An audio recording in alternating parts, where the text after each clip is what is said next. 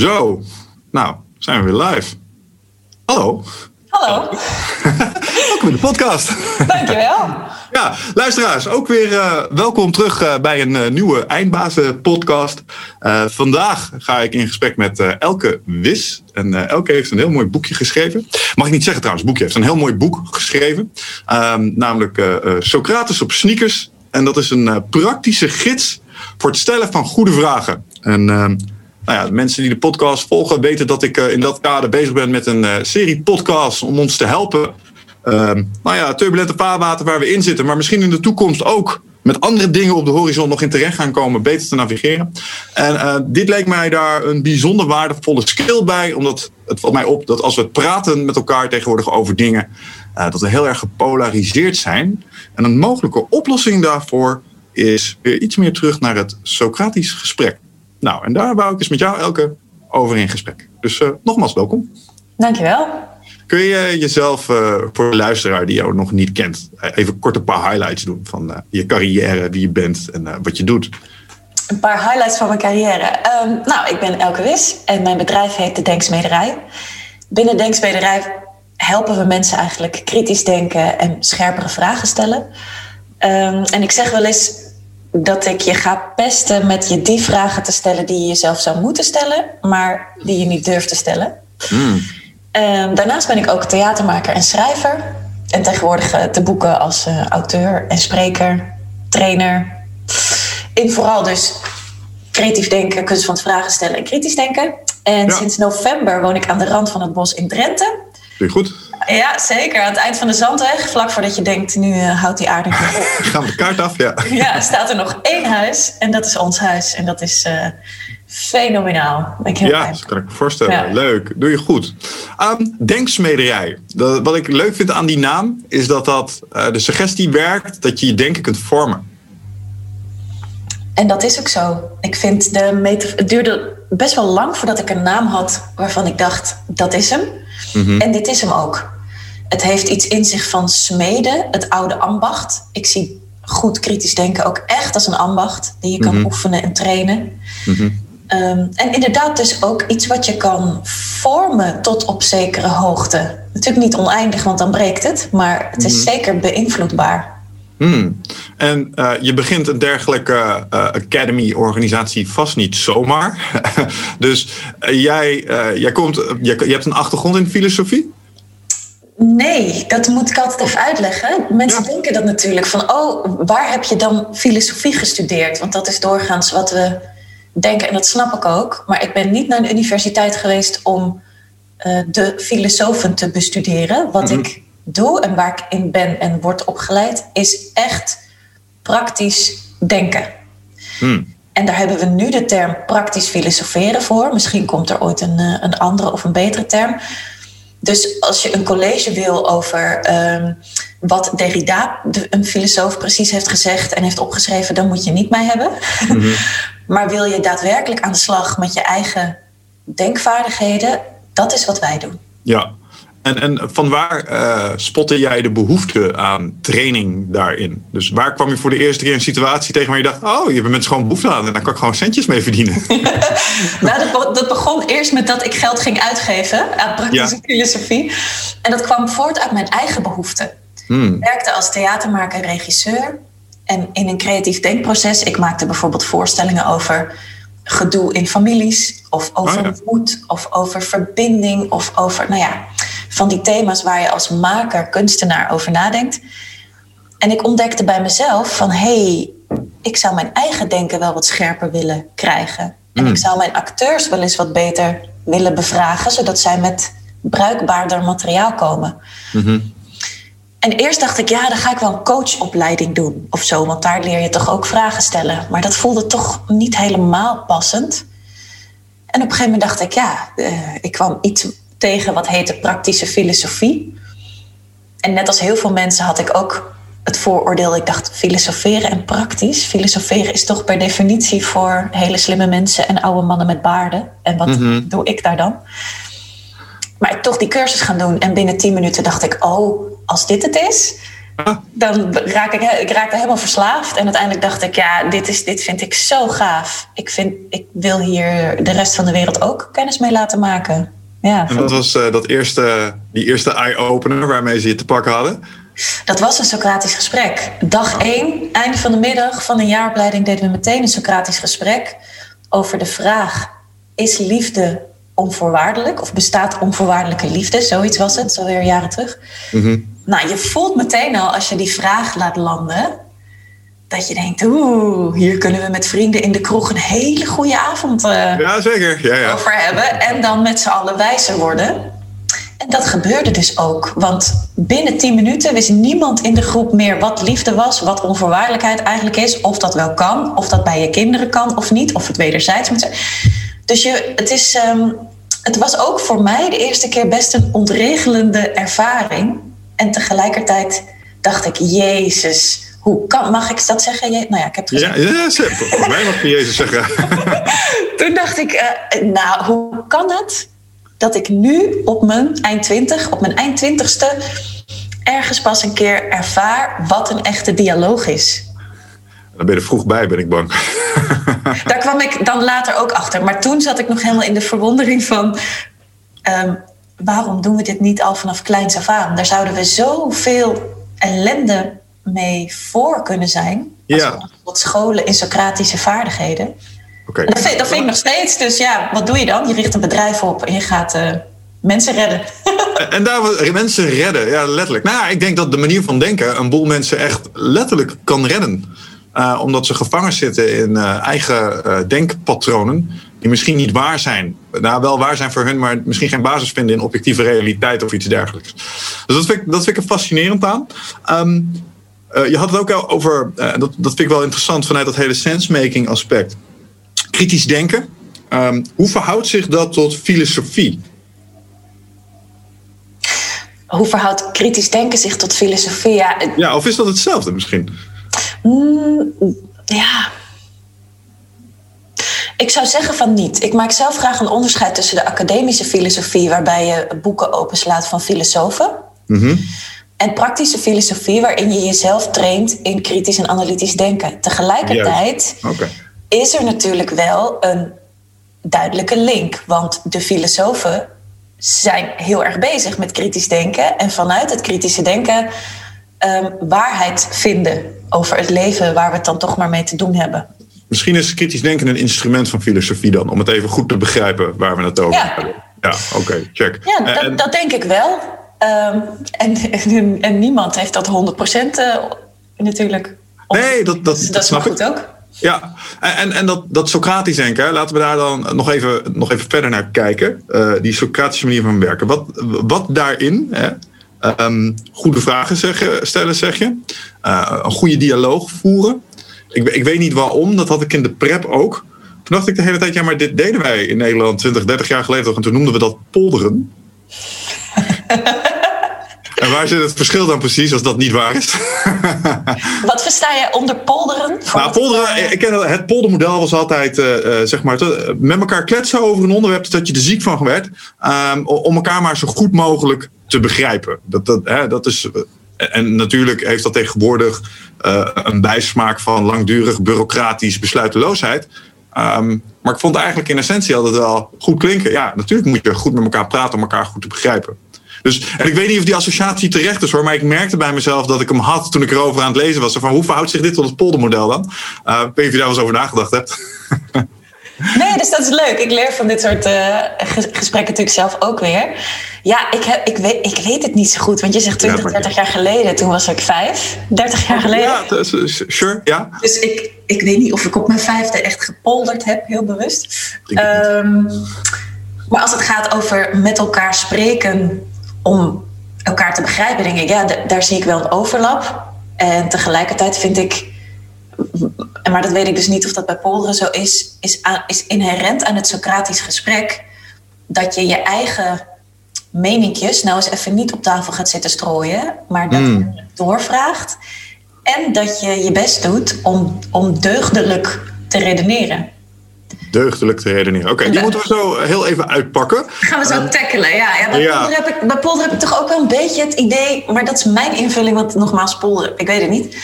heb ik ook wel een beetje het idee dat we uh, ons eigen subjectieve denken op tafel leggen. Hmm. En dan leg jij dat van jou ernaast en Pietje legt dat van hem ernaast... en dan kijken we dus naar en denken we, ja, oké... Okay. Maar het, het idee van een Socratisch gesprek is dat je wel echt dooronderzoekt met als motor streven naar consensus en zoek, zoek, toch naar wijsheid. Ja. Dat was namelijk wel een, een inzicht waarvan ik dacht, misschien is dat het verschil wel. Dat het poldermodel heel gericht was op het vinden van consensus. En misschien het Socratisch gesprek dat niet als een uitgangspunt heeft dat je noodzakelijk tot een resolutie van het verschil van inzicht moet komen. Maar dat het erover hebben met elkaar en elkaar proberen te begrijpen. En dat deugdelijk redeneren waar je het net over had aan toe te passen. Dat dat misschien voldoende was. Maar consensus is dus wel een doel in het uh, Socrates gesprek. Nou, laten we dan even naar de, de, Want dat is belangrijk om te begrijpen wat je daar precies mee bedoelt. Wat verstaan we onder consensus, wat jou betreft? Um, ja, goede vraag. Consensus, in ieder geval in het Socratisch gesprek, is dat je net zo lang doorzoekt totdat je iets hebt gevonden waarvan je als groep kan zeggen: ja, dit met de informatie en het onderzoek wat we nu hebben, dit is wat ons betreft een stukje waarheid waar we ons in vinden kunnen. Mhm. En iedereen die wel eens een gesprek heeft gevoerd met één persoon en nog moeilijker meer dan één persoon, weet ook dat die consensus bijna niet. Je, je, je komt er bijna niet, maar het is wel de motor van het gesprek. Mm ja, dus waarbij alle deelnemers proactief op zoek zijn naar dat stukje overlap in overtuigingen eigenlijk? Naar overlap, maar ook naar verschillen. Kijk, als ik als motor heb in zo'n gesprek om consensus te vinden, dan blijf ik wel zoeken. Dan blijf ik jou bevragen op: hey, je zei net dit, nu zeg je dat. Daar zit een verschil in. Kun je dat eens uitleggen? Ik zei er straks dat. Hoe verhoudt zich dat tot elkaar? Dan mhm. blijft die zoektocht gaande. Ja. Maar laat ik dat los en zeg ik eigenlijk, Socrates die zegt in een van zijn dialogen, zegt zijn gesprekspartner, nou weet je wat, laten we gewoon even let's agree to disagree. En Socrates die vliegt dan op en die zegt nee helemaal niet. Niks let's agree to disagree. Wij moeten doorzoeken, want alleen in dat doorzoeken en nog, elke keer nog scherper bevragen, uh, word je wijzer. En als we stoppen met zoeken naar consensus, stoppen we ook met denken en doorvragen. Ja, en met dat je dat zegt, schiet er een idee bij mij te binnen dat ik denk. Dat kon nog wel eens het probleem zijn waarom sommige aspecten van onze maatschappij zo broos zijn. Welke aspecten bijvoorbeeld?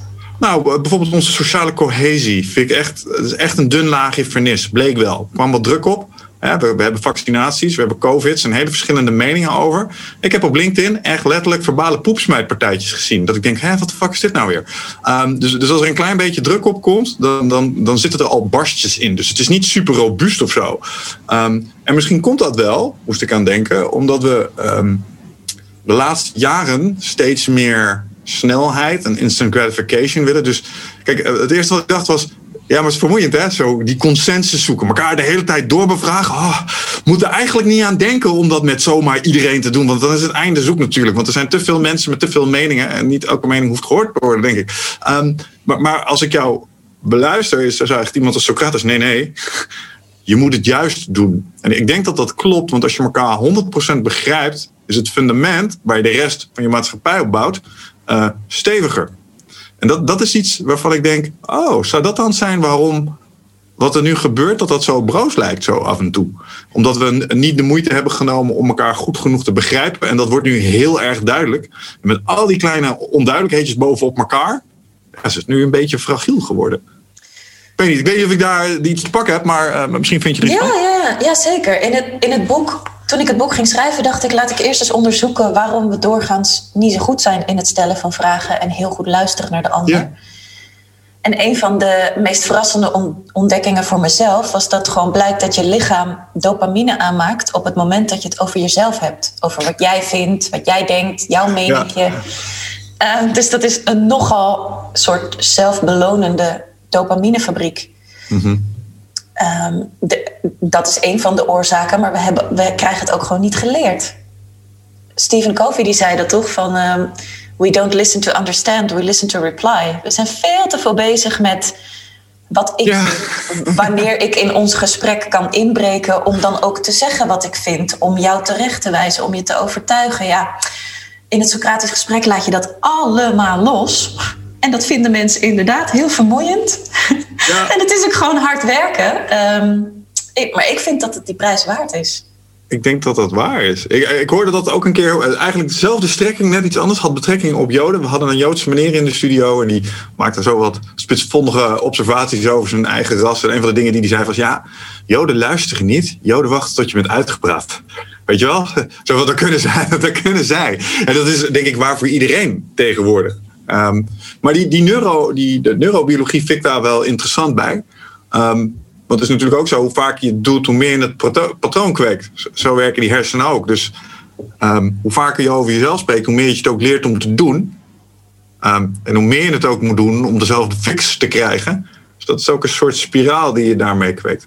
Interessant. Eh, en hoe doorbreken we zoiets? Um, ja, dat begint bij wat we helemaal niet zo leuk vinden, is heel erg vertragen. Mm -hmm. En je eigen denken observeren. Dus terwijl je in dialoog bent met iemand, observeer dan gewoon eens letterlijk waar je aandacht naartoe gaat. En heel vaak gaat dat naar iets als: Oh, dat had ik ook, maar dan erger. ik ben namelijk ook op vakantie geweest. En bij ons ging het niet alleen regenen, maar ook stormen en de bliksem vloog in. Um, of, je, of je bent bezig met spotten waar iemands probleem zit en vervolgens allerlei adviezen over de schutting mikken. Of je wil graag helpen, maar dat zijn allemaal nog steeds dingen die over mijn koker gaan en niet mhm. gaan over vragen stellen aan de ander. Dus zo zijn er, ik noem het eigenlijk drie gespreksreflexen waar we vaak in, in vervallen. De ik-reflex, dat heb ik ook mhm. maar dan erger. Ik zeg, um, er zijn heel veel schoonmoeders die zich daar schuldig aan maken, blijkt, in trainingen en cursussen. ik dacht, oh ja, mijn schoonmoeder is dat heel erg. Um, de tweede is de adviesreflex. Oh, weet je wat jij zou moeten doen? Heb je stress? Hier, ik koop een yogamatje voor je.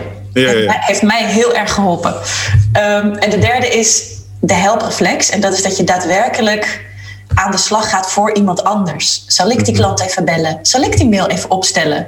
En ouders met kinderen die zeggen altijd: Oh ja, dan is mijn zoon zijn hockeysokken kwijt. En binnen twee minuten lig ik op mijn knieën onder het bed te kijken of de hockeysokken liggen. ja, ja, ja. Oké, duidelijk. Ja, en, en die reflexen overwinnen, Zorg ervoor dat je anders in zo'n gesprek gaat zitten.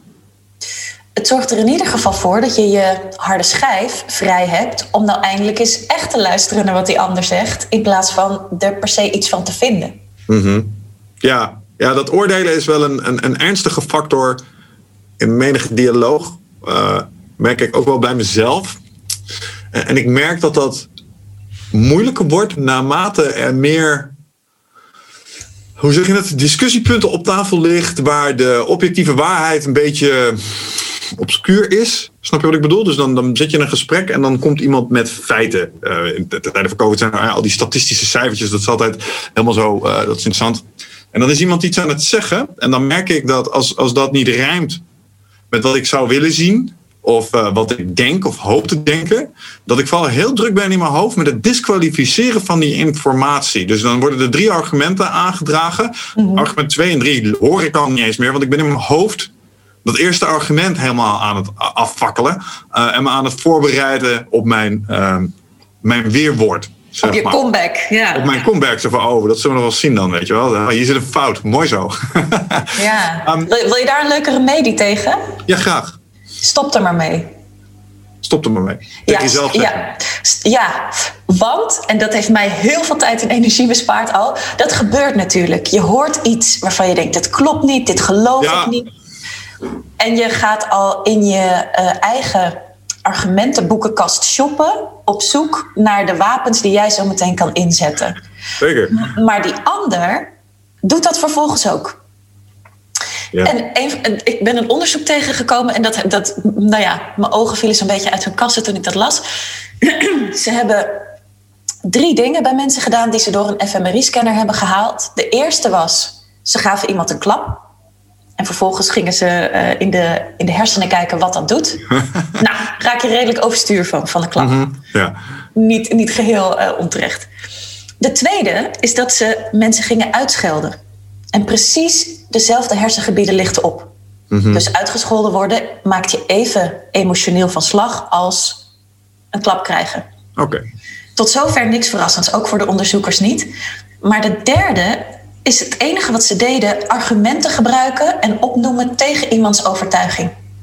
Ja. En je raadt het nooit, of je raadt het eigenlijk wel nu, maar dezelfde hersengebieden lichten op. Dus de conclusie was dat argumenten horen tegen de overtuiging die je hebt, maakt gewoon dat je brein zich in een fight, flight, freeze stand zet. Ja. Helemaal klaar om zich te wapenen, om in de aanval te gaan. Waardoor er nooit een verdiepende dialoog ontstaat. En Ruben Mers zegt in zijn boek, echt, echt een aanrader trouwens, heeft een boek geschreven dat heet uh, Van mening verschillen een handleiding. Hij mhm. voert helemaal uit hoe je van mening kan verschillen. Hij zegt op een gegeven moment: wij gaan met cijfers om en feiten zoals een dronkenlap met een lantaarnpaal. Niet ter verlichting, maar ter ondersteuning van ons eigen gelijk. Oh, die is sterk. Ja, die is goed, hè? Later bleek, zag ik hem in een uh, Amerikaanse tv-serie voorbij komen. Dus ik weet niet wie er eerder was, maar daar zit hij ook in. Benieuwd. um, dus sinds ik me daar echt bewust van ben, wat er gebeurt als ik met argumenten kom, weet ik, Elkie, bespaar je de moeite. Het hoeft niet. Het, het, drukt die ander alleen maar verder met zijn hakken in het zand. En uiteindelijk sta je meningen tegen elkaar aan te duwen. En daar wordt niemand wijzer van. Wat, welk mechanisme denk jij dat er achter ehm, die respons zit, die hersenrespons van een, een, argument? Wat maakt een, want, wat is het verschil, wat is de overeenkomst tussen een, een klap in gezicht, een uitgescholden worden en dus blijkbaar argumentatie? Ik denk dreiging en agressie. Dus dat is het mechanisme volgens mij, want anders kom je in dreiging. Dat is het enige wat fight of flight aanzet, volgens mij.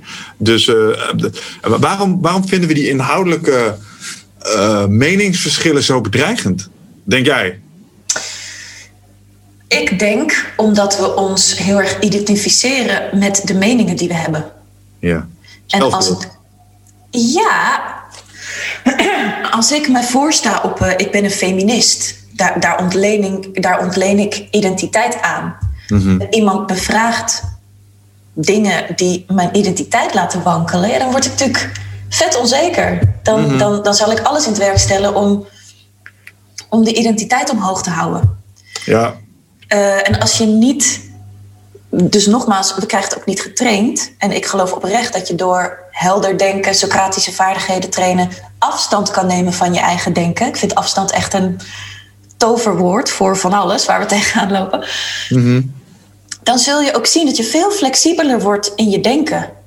Lambert Kamphuis noemt dat in zijn boek perspectivistische lenigheid. Ja, dat vind ik zo'n mooie term. Oké, die ga ik ook een keer proberen. Perspectivistische lenigheid. Ja, mooi. Elkaar, Jezus. Ja, mooi. Leuk. Ja, als ik ooit een tattoo neem, dan is dat het. Ergens. Ja, ja, ja, ja, ja. Maar ik geloof op, ik weet zeker, heb dat zelf ervaren, maar zie het ook uh, bij mijn klanten en bij mijn, de mensen die ik train. Als je afstand kunt nemen van je eigen denken, ga je er wat minder heilig mee om. Mm Durf je er zelf ook eens rigoureus tegen aan te schoppen. Het ergste wat je kan gebeuren is dat je een keer van mening verandert. Nou, boehoe, mm daar is ook nog nooit iemand dood aan gegaan. En als je terugkomt op hetzelfde standpunt, is dat in ieder geval beter doordacht. Ja. Maar omdat we het niet doordenken, en ook heel vaak doet iemand, vol met iemand gewoon een, een, eh, een, een uitspraak op tafel. Bijvoorbeeld, uh, alle mensen die een uitkering trekken zijn gewoon lui. Het kan niet zijn wat iemand zo tijdens een ja. feestje op tafel kwakt. Ja hoor, ik hoor het je zeggen. ja. Um, nou, reflex 1 is, we gaan natuurlijk tegenin argumenteren. Maar heel vaak heeft iemand zelf nog niet door welke argumenten die daar eigenlijk voor heeft. En daar is die Socratische methode zo te gek in, of Socratische vaardigheden. Dat is eigenlijk een soort achteruitdenken. Want die opmerking van mij, alle mensen die een uitkering krijgen zijn gewoon lui, is maar het eindpunt. Ik heb daar bepaalde ideeën over en argumenten voor, maar in plaats van dat we die gaan uitzoeken bij elkaar, zetten we er meteen onze eigen visie tegenover. En dat is niet handig, want dan kan iemand ook nooit zien van, oh kut, hier heb ik eigenlijk geen goed steekhoudend argument voor. Of hier heb ik een redenering gebouwd die, nou ja, niet helemaal klopt. Mhm. Ja, en, en hoe maak je, oké, die snap ik, um, want ik herken dat. Ik heb ook wel eens op een verjaardag gezeten waarbij iemand iets hoorde zeggen waarbij je dacht, hmm, ik weet niet of dat waar is. En dan, ja, ik weet niet, vanuit een soort geldingsdrang ga je er dan toch maar iets van zeggen of zo. Uh, en, en dan merk je, dit schiet, ja, net wat je zegt, schiet geen meter op. Sterker nog, they double down. Um, dus wat jij zegt, op zo'n moment kan je beter Um, dat is natuurlijk een beetje afhankelijk van je doel. Want als je doel is zo stress mogelijk die verjaardag door, kun je gewoon misschien beter je mond houden. Maar um, stel je wil ze. Ja, redden klinkt zo naar, maar de, de, want dat geeft jou gelijk. Maar, maar stel je zou er een stap in willen maken, omdat je ziet dat iemand echt een ongezonde mening erop nahoudt. Dat is het beste dus wat je eigenlijk kunt doen. Doorvragen op hoe ze tot die overtuiging zijn gekomen. Nou, hier zitten al een paar leuke veronderstellingen in wat je zegt. Dus die ga ik eerst even tackelen voordat ik je, je sure. antwoord geef inhoudelijk. Ja, dus ik zou vooral al niet de intentie hebben om iemand te redden. Dat, dat, dat ga je niet, want dan ga je inderdaad, voordat je het weet, weer belanden in. Um, ik vind dat jij er een ongezonde mening op nahoudt, dus ik ga je wel even helpen dat te herzien. Ja. En dan heb je al een agenda en een doel, en dat is nou net niet handig. Je, je hebt gelijk, maar waarom ik eraan moest denken was omdat. Um, kijk, in Amerika zijn er een paar interessante tijden geweest. Ook als het gaat om polarisatie. Je hebt misschien wat eens meegekregen van dat Q-anon en zo. En dat zijn mensen met wat hele stellige overtuigingen. Maar die ook familie. Um, en wat je hebt gezien is dat een aantal. Je hebt nu iets. Uh, dat zijn communities. Q-anon casualty. Dat zijn gewoon familie van ja, Q-aanhangers die nu erachter komen dat er allemaal helemaal niks terecht kwam van die revolutie. En die hebben hun baan opgezegd en stapels met militie gekocht en zo, weet je wel. Dus dat was echt een ongezonde neiging die die mensen hadden. Die braken echt weg van de maatschappij, hun familie, hun gezin. En, en je ziet mensen daar dus inderdaad echt heel gefrustreerd van, ja, we hebben echt alles geprobeerd om ze bij ons te houden, weet je wel. Want ja, mhm. ze, ze ontspoorden, um, kon je echt zien.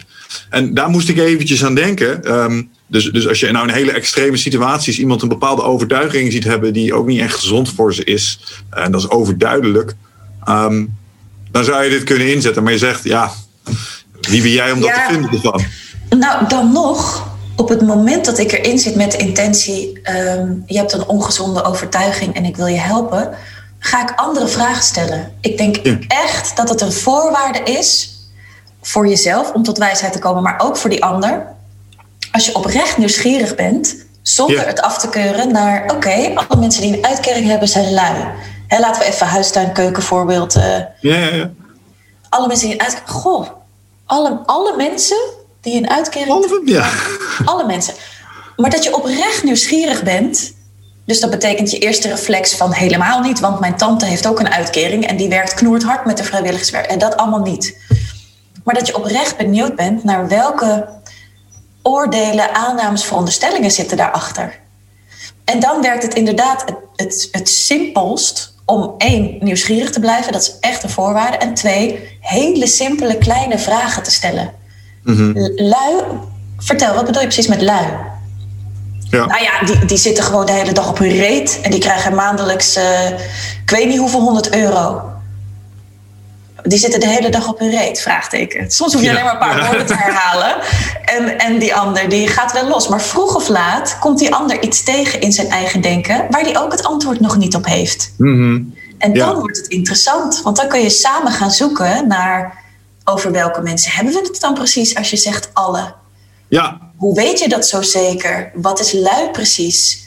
Als je op de bank zit, ben je dan per definitie lui? Nee, nee, ze zitten niet de hele tijd op de bank. Ze doen ook nog wel eens vrijwilligerswerk. Wat is dan vrijwilligerswerk volgens jou? Ja, dan gaan ze spulletjes opruimen in het park. Ben je dan lui of niet? Zie je? Dus ik kan me eentje zo'n hele monoloog uh, doen. maar op die manier, door gewoon oprecht nieuwsgierig te blijven en door te blijven vlooien, ja.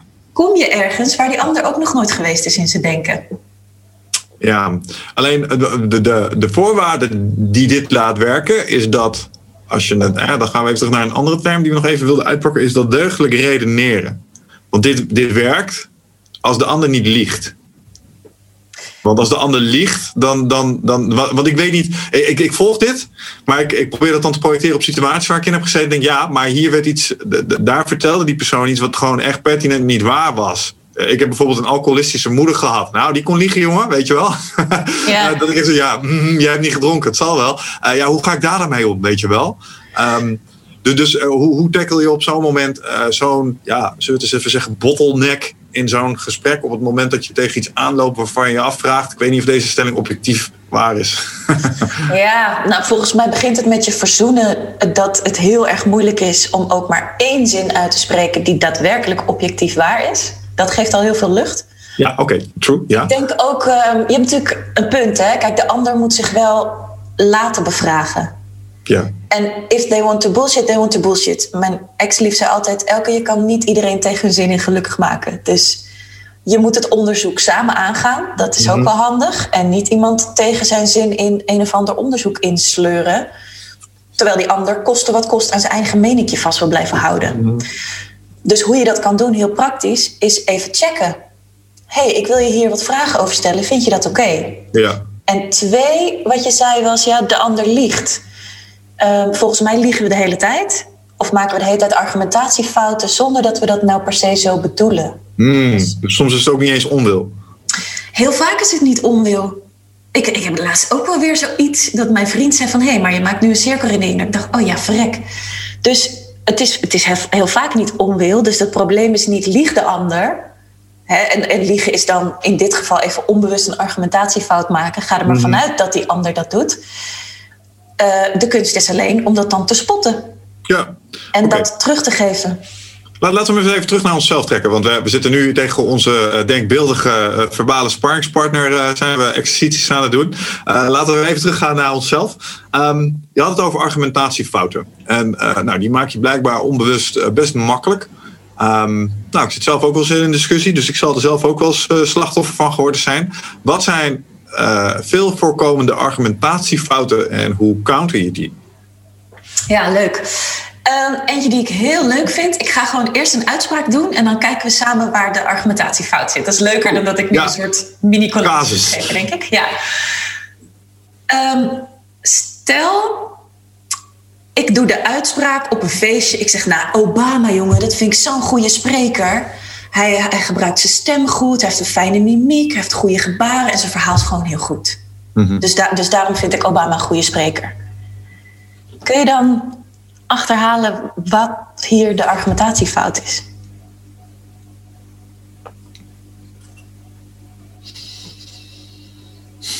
Nee, want het klinkt allemaal kloppend wat hier gezegd wordt. Ja, hè? dus dat vind ik er zo smullen aan. Het klinkt zo logisch. Maar stel dat ik aan jou vraag, geef mij eens globaal een definitie van het concept goede spreker. Wat is dan ongeveer, wat ga je dan zeggen?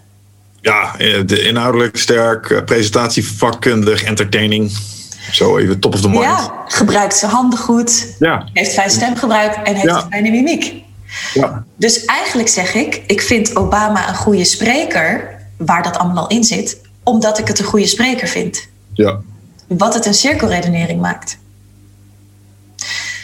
Dus je wil eigenlijk niet, ik geef dan een globale definitie van goede spreker ja. als argument waarom ik hem een goede spreker vind. Dus je wil dan dat iemand aanwijst, oké, waarom is Obama hier een goede spreker?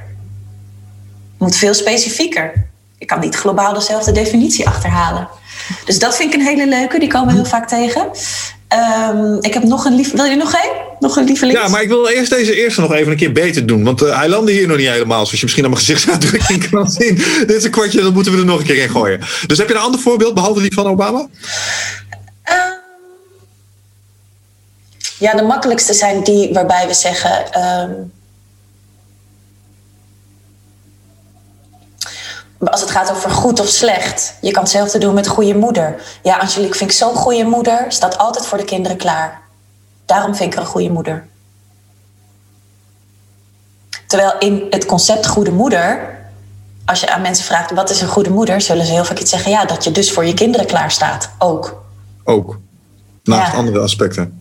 Ja, Dus het feit dat ze enkel en alleen altijd voor haar kinderen klaarstaat, maakt haar niet per definitie een goede moeder. Want wat een goede moeder is, is breder dan enkel en alleen voor je kinderen klaarstaan. Dat is dan de argumentatiefout. Dus Ja, dus, dus de cirkelredenering betekent dat je ehm, in je bewering, ik vind Obama een goede spreker, hetzelfde zegt als in je argument. Ik vind het een goede spreker omdat hij een goed inhoudelijk verhaal heeft, zijn stem en mimiek goed, goed gebruikt. Maar een goede spreker, daar zit dat al in. Dus je zegt eigenlijk twee keer hetzelfde. Oh, zo. Ja, je gaat je argument nog een keertje zitten herhalen eigenlijk. Maar met dan met andere woorden. En wat zou dan wel een geldig argument zijn? Dus eh, Obama is een goede spreker, want uit de evaluatie van al zijn talks blijkt dat hij een 9 plus gemiddeld scoort. Dat zou beter zijn. Ja, dat ben je in ieder geval niet. Eh, kijk, dan kun je nog iets zeggen Circulair aan over... het redeneren. Ja, precies. Ja, dan kun je nog iets zeggen over, over is dat dan zo? Als je, misschien heeft hij gewoon iedereen chocolaatjes uitgedeeld, krijgt hij daarom een 9. Hè? Daar kun je het dan nog over hebben. Maar het is in ieder geval niet meer een cirkelredenering waarbij ik zeg: Obama is een goede spreker omdat het een goede spreker is. Ja, precies. Um, en, en, een andere zou kunnen zijn: het is een goede spreker, want hij wordt veel geboekt, bijvoorbeeld. Bijvoorbeeld. Hmm. Ja, ja dus, dus, uh, dus wat je zegt is, er zitten eigenschappen aan het stuk goede spreker. En je mag niet voor de hand liggende eigenschappen van zo'n ding uh, embedden in je argument om waarom het dat is. Snap je? De, ja. een, een, vierkant is rond, want uh, ja, het is een cirkel, weet je wel? Een beetje, of, ja, ja daarom, daarom, vroeg ik ook net aan jou van wat zou je definitie zijn van een goede spreker? En je ging precies opnoemen wat ik al ja, net had gezegd exact. over Obama. Exact.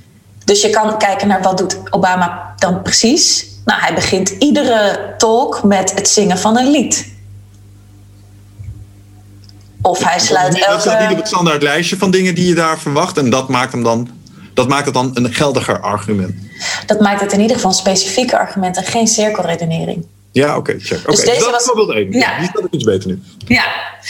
Een ander voorbeeldje. Stel dat ik aan jou vraag: um, wat heb je liever? Wortel of broccoli en waarom? En dat jij dan zegt: Nou, ik heb liever broccoli, want dat is gezond. Wat is daar niet zo handig Wortels aan? zijn ook gezond. Ja, precies. Ja, alhoewel, tenzij ik een wortelallergie heb, dan wordt het een ander verhaal. Ja, maar dat is een van de. Als je het praktisch wil houden, zeggen we altijd: hou het bij dat wat waarschijnlijk is. Ja, okay. Dus wat we heel vaak zien, maak even een uitstapje, kom ik zo terug op de broccoli en de wortel. Ja. Wat we heel vaak zien als we een soort waarheid proberen te vinden in een gesprek, is dat iemand gaat focussen op de uitzondering. Nee, maar niet altijd, want misschien heeft deze persoon wel wortelallergie. Nee, maar een schaap heeft niet altijd personen, want er, uh, vijf poten. Want er was eens een schaap en die had er vier. Oh, ik moet andersom zeggen. Een schaap ja, heeft niet altijd vier poten, want er was Dolly en die had er vijf. Maar daarmee ben je uh, je aan het focussen op de uitzondering, wat je gesprek niet verder helpt. Want ja, oké, okay, natuurlijk, er zijn mensen met een wortelallergie, maar dat, dat is niet relevant in een gesprek. Nee. Dus hier wil je wortel of broccoli, broccoli, want dat is gezond. Een wortel is ook gezond. Dus dat is, en die vind ik heel tof, want we, voordat we het weten gebruiken we hem. Ik soms ook nog wel eens hoor. -hmm. Dat is wat je noemt een ongedifferentieerd argument. Dus je geeft een argument wat voor de andere optie net zo goed kan opgaan. Het onderscheidt die twee niet. Ja. Als je zegt, ik wil wortel, want ik hou van oranje, geef je in ieder geval een argument wat voor broccoli niet opgaat. Ja. Ja. Hmm. Ik probeer, ik probeer een ander voorbeeld te vinden waarbij dit ook waar, waar zou kunnen zijn. Dus heb je nog een, nog een ander voorbeeld? In plaats van broccoli en uh, ja, appel en peren? Nee. Uh, ik, ik, probeerde, ik probeerde deze toe te spitsen bijvoorbeeld op het republikeinse en het democratische uh, systeem bijvoorbeeld in Amerika. Of je daar een soort gelijkstelling over zou kunnen zeggen die dit... Ja, je kan zeggen het is... Uh, ja, nee, daar kwam ik dus niet helemaal uit. Dus vandaar. Hmm, um, nou, doe je best. Wat kun je zeggen over beide groepen? Nou, ik wilde zeggen, uh, uh, ik, waar ik mee worstel is hoe maak ik een zin waarbij ik um, zowel de Republikeinse Partij als de Democratische Partij benoem en zeg dat de Democratische Partij een politiek systeem is. Ja. Maar daar kon ik even niet een hele mooie volzin van maken. Daar worstelde ik mee. Maar dat is volgens mij hetzelfde voorbeeld. Ja, je kan het. Kijk, ik gebruik heel graag de Jip en Janneke voorbeeldjes, omdat dat het principe duidelijk maakt. Mm -hmm. um, maar je herkent ze dan sneller in situaties waarbij het gaat over mensen of over uh, ideeën. Mm -hmm. Ja, duidelijk. Dus, maar, maar uh, en, en, als je dan. Um, want, want waarom. Um, nou, laten we nog één uh, argumentatie, argumentatiefout doen. En laten we dan even ingaan waarom dat belangrijk is. Dat je ze spot bij jezelf en waarom in een dialoog dit soort dingen moeten kloppen. Um, ja. Maar een derde voorbeeld? Een derde voorbeeld is ook eentje die we heel veel horen in organisaties. En ook wel in de Zwarte Pieten discussie bijvoorbeeld. Um, Zwarte Piet moet blijven, want hij is gewoon al jaren zwart. En in organisaties, um, nee, wij moeten dit, de, deze software gebruiken gewoon, want dat doen we al vanaf het begin. Ja. Dus dan doe je een uh, beroep op traditie. Ja. Maar uh, ik, zeg, ik gebruik dan altijd het voorbeeld van ja, vroeger deden we abortussen met breinaalden. Werkte ook, maar wil niet zeggen dat je dat dan moet blijven doen als er niet inmiddels een beter alternatief voorhanden is. En welke denkfout maak ik dan als ik uh, die zou omkeren en zeggen ja, maar ik zie ook heel veel innovatie, innovatie omwille van innovatie. Snap je wat ik bedoel? Dus uh, we doen traditie, we houden dingen in stand omwille van traditie, maar soms zie ik ook onnodige innovatie.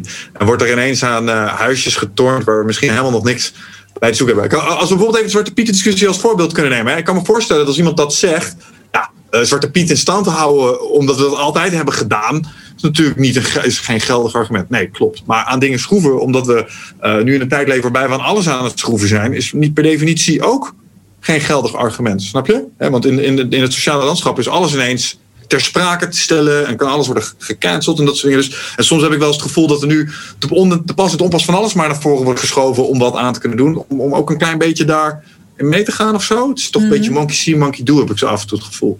Snap je? Eh, mag je dat dan counteren op die manier? Als we even naar logica gaan. Dus je zegt, oké, dat is een fallacy. Kan ik daar dan dat ook tegenover zetten? Ja, met welk doel? Wat wil je dan in dat gesprek? Ja, waarom gaan mensen in dialoog gaan met elkaar? om een betere oplossing te komen. Daar ga ik altijd even vanuit.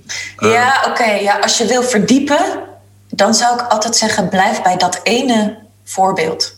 Ja, oké. Want als ik zeg: uh, Zwarte Piet moet zwart blijven, want argument traditie. En jij zegt ja, maar ik zie ook heel veel innovatie alleen maar om de innovatie. Dan weet ik niet meer welke kant we op gaan. Gaan we het dan over innovatie hebben die zinloos is? Of gaan we het over traditie als argument hebben? Ja, snap ik. Als dus je, als je wil verdiepen, blijf dan bij veranderen tradities soms. Is het goed om tradities soms te herzien?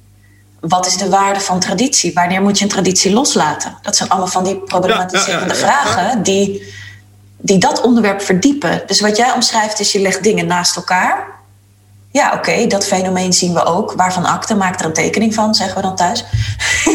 maar wil je uitdagen en verdiepen, blijf dan bij dat ene ding en ga daar eens in peuren en vlooien. En dat is vaak veel spannender. Ja, daar zit volgens mij ook de paradigm shift van, van oh, je zegt iets. Nou, dan zet ik er even iets even groots tegenover. Nou, oh, maar wat zeg je nou eigenlijk? En laten we dat eens even uitpellen en misschien, of afpellen. En misschien komen we daar tot inzichten uh, die, die, die het vooruit helpen.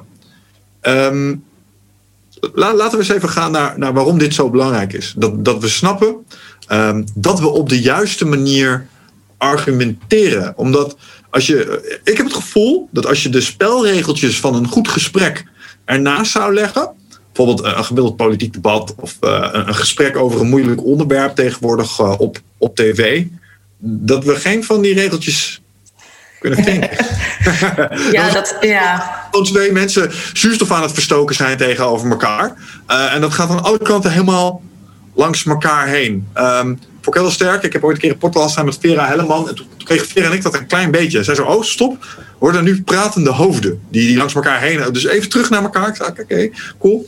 Um, en, en, sindsdien kan ik het niet meer ontzien uh, in alle andere gesprekken die ik zie. Op het moment dat dat waar is. Ja. En, ik denk dat daar, eh, en, en, nu jij dat zo zegt, denk ik wat daar gebeurt, is dat die mensen deze standaard spelregels, die verdiepingsslagen bij elkaar, zijn ze dus niet aan het doen. En ik denk dat dat juist zo belangrijk is. Maar waarom is dat zo belangrijk wat jou betreft? Waarom redden we daar mensen mee? Omdat je dan eindelijk eens een keer een gesprek hebt. In plaats van alleen maar plasjes over elkaar heen aan het plegen bent. Daar kan, maar dat is wat jij zegt. Die ontdekking deed ik zelf ook. Als je het eenmaal ziet, kun je het niet meer niet zien. Ja, ja, dat is verschrikkelijk.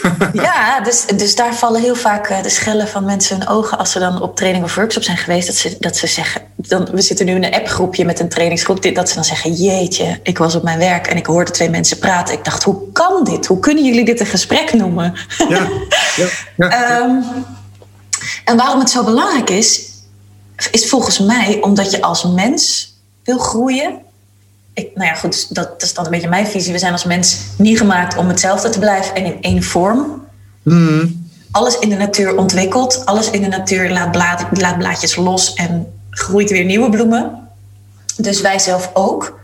Dus onze meningen, onze opvattingen, die zouden idealiter met ons meegroeien. Maar dat gebeurt natuurlijk heel vaak niet, omdat we het koppelen aan identiteit en aan winnen.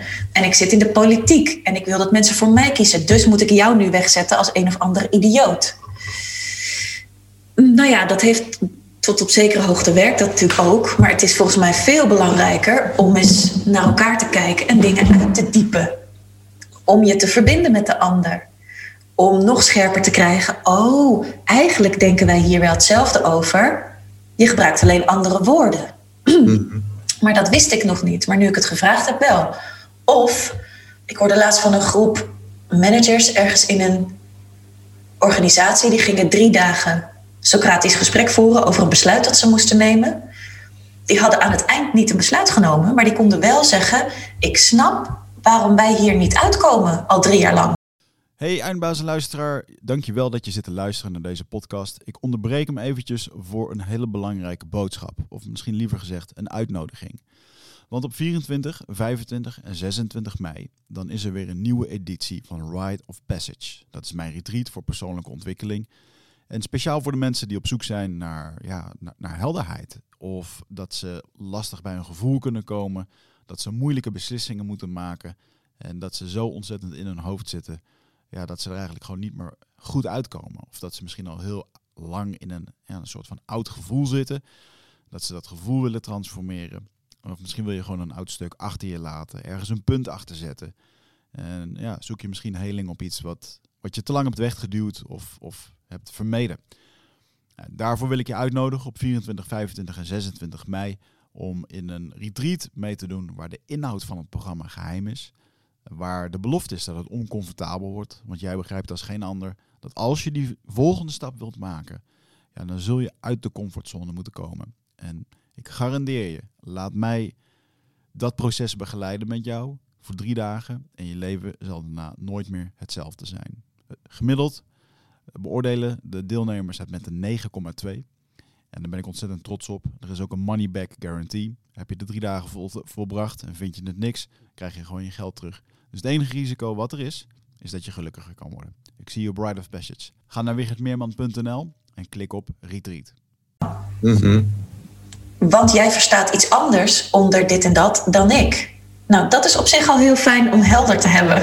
Ja, dan kan je naar een oplossing toewerken. Dan, dan kun je besluit nemen op basis van helderheid in wie er op welke manier over denkt. En welk concept wat betekent voor Pietje en wat het betekent voor cadeautje. Ja, ja. Alright. Um, cruciaal hierin, um, al een paar keer aangegeven, is dus het stellen van die vragen. Maar, maar je hebt vragen en je hebt vragen. Uh, weet ik inmiddels na een aantal uurtjes podcast uh, doen. Um, Kun, je misschien gewoon eens even naar iets als bazaals kijken als een vraag? Want daar, daar kun je ongetwijfeld ook eh, best wel de diepte mee uh, in. Ja, um, zeker. Ik ben met name op zoek naar, naar een antwoord uh, op twee vragen. Namelijk, wat is een goede vraag en wat is een slechte vraag? is dit een voorbeeld van een slechte vraag? Want ik heb twee vragen in één vraag gebakken. Maar uh, ja, daar was ik me van bewust. Dat is heel goed. Dus dat, is, dat noemen we dan een cocktailvraag. Um, ja. Waarbij je meer vragen in één stelt. En dat gebeurt heel vaak. Eh, luister maar eens willekeurig welke radio. Ja, super schuldig. Ja, ik, ook, ja, ik weet het, ik weet het. um, ja, dus dat is grappig. Je weet het en toch, toch doe je het. Hoe komt dat? Ik, ja, als ik daar een beschouwing op mag doen, dat is een soort enthousiasme of zo. En misschien ook wel een beetje dat wat je in het begin al zei, uh, dat, dat ik fenomeen. Oh, ik ben even iets aan ik mag, ik mag even wat zeggen. Uh, dus laat ik dan ook maar wat meer woorden achter elkaar zetten of zo. Want je zit in een bepaalde gedachte chain. En, en met dit soort gesprekken word ik altijd enthousiast. Uh, en dan, dan komt er een soort excess aan energie mee op het moment dat ik die woorden eruit aan het gooien ben. En dan vind ik het soms moeilijk om op tijd te stoppen. Ja. maar dat is mijn persoonlijke ervaring daarbij. Die hoeft niet universeel te zijn natuurlijk. Ja, tegelijkertijd denk, denk ik wel dat heel veel mensen dat herkennen. Van hé, hey, ik heb nu de spotlight, ik neem hem lekker. Ja, ja, ja, ja, um, waar, waarbij het dan zo lijkt alsof meer woorden gebruiken ook gelijk staat aan zinnige dingen zeggen. En dat is natuurlijk niet per se, dat is natuurlijk niet per se waar. Ik denk dat als je onze podcast zo terugluistert, dat je die conclusie al redelijk snel kunt trekken, ja. ja, dus dat is altijd wel de vraag die ik dan mensen meegeef. Want ik hoor dit natuurlijk vaker van deelnemers aan trainingen of workshops. De vraag die ik mensen dan meegeef is: wil je de show stelen of wil je een goed gesprek?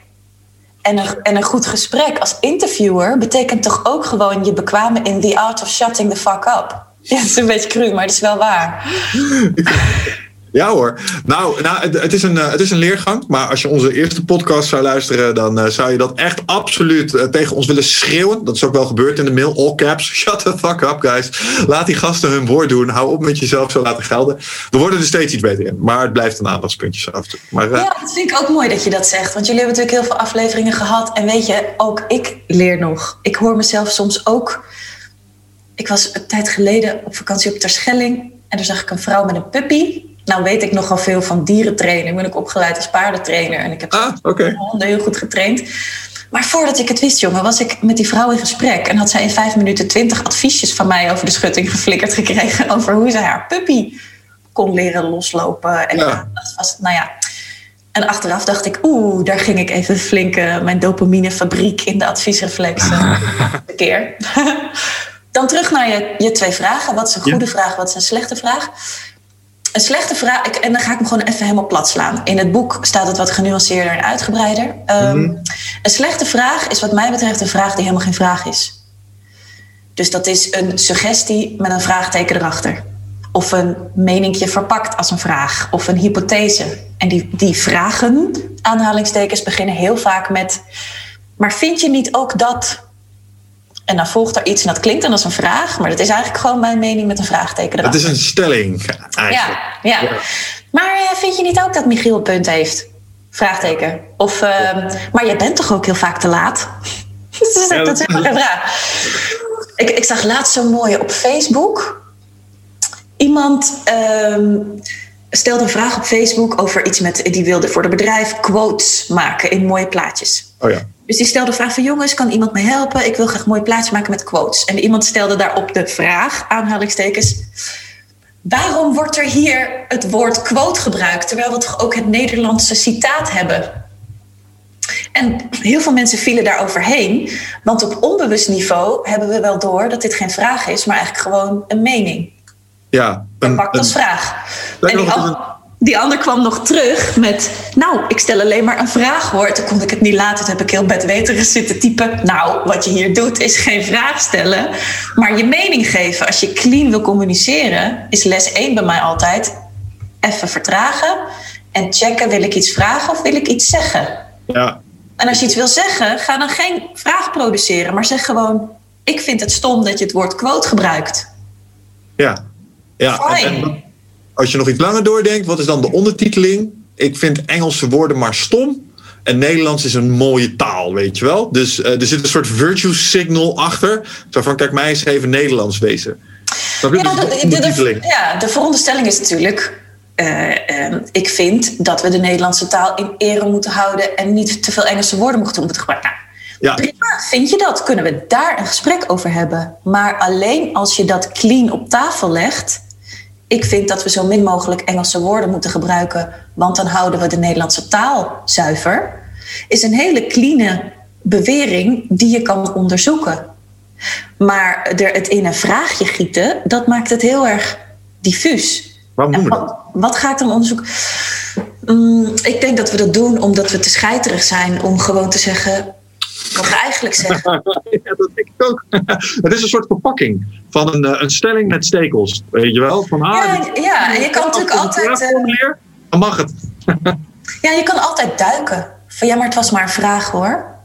Ja, terwijl iedereen ziet wat je doet. Ik, ja, de vraag is of ze het ook zo helder kunnen analyseren, maar het is wel voelbaar. Uh, en het is natuurlijk veel spannender als ik zeg: joh, ik vind dat wij in onze, stel wij maken samen deze podcast, ik vind dat wij in onze podcast geen Engelse woorden moeten gebruiken, want het is een, dat is veel spannender. Want daar kun je van alles van vinden. Ja. Maar als ik het in een soort vraagje ga gieten, dan leg ik er eigenlijk een dekentje overheen, waardoor het moeilijker is om erop te schieten. Ja, ja, dus ergens wel. Maar heel eerlijk, als ik het bij jou zou toepassen, jij zou dat toch doorheen zien en jij zou gewoon naar de stelling gaan en zeggen: hou eens op, joh. Ja, meteen. Daar doorheen. Ja, oké, check. Dus dat is, een, dat is, een, echt, dat, dat is het, het prototype slechte vraag. Ja, en ik heb in het boek een hele definitie over wat een goede vraag dan is.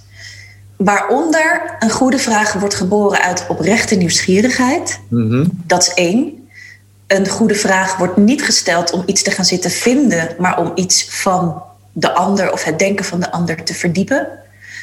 En technisch gezien begint een vraag gewoon met een vraagwoord. Wie, wat, waar, hoe, wanneer, waarom, hoezo. En niet met een werkwoord of vervoeging daarvan. Denk je niet dat? Vind je niet ook? Ehm, dus dat is even een hele globale tweedeling. Een, een goede vraag is wat mij betreft ook een heldere vraag en een korte vraag.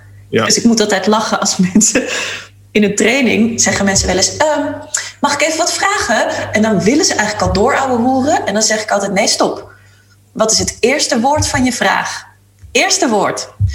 En dan flappen mensen er wel eens uit. Nou, het eerste woord is denk.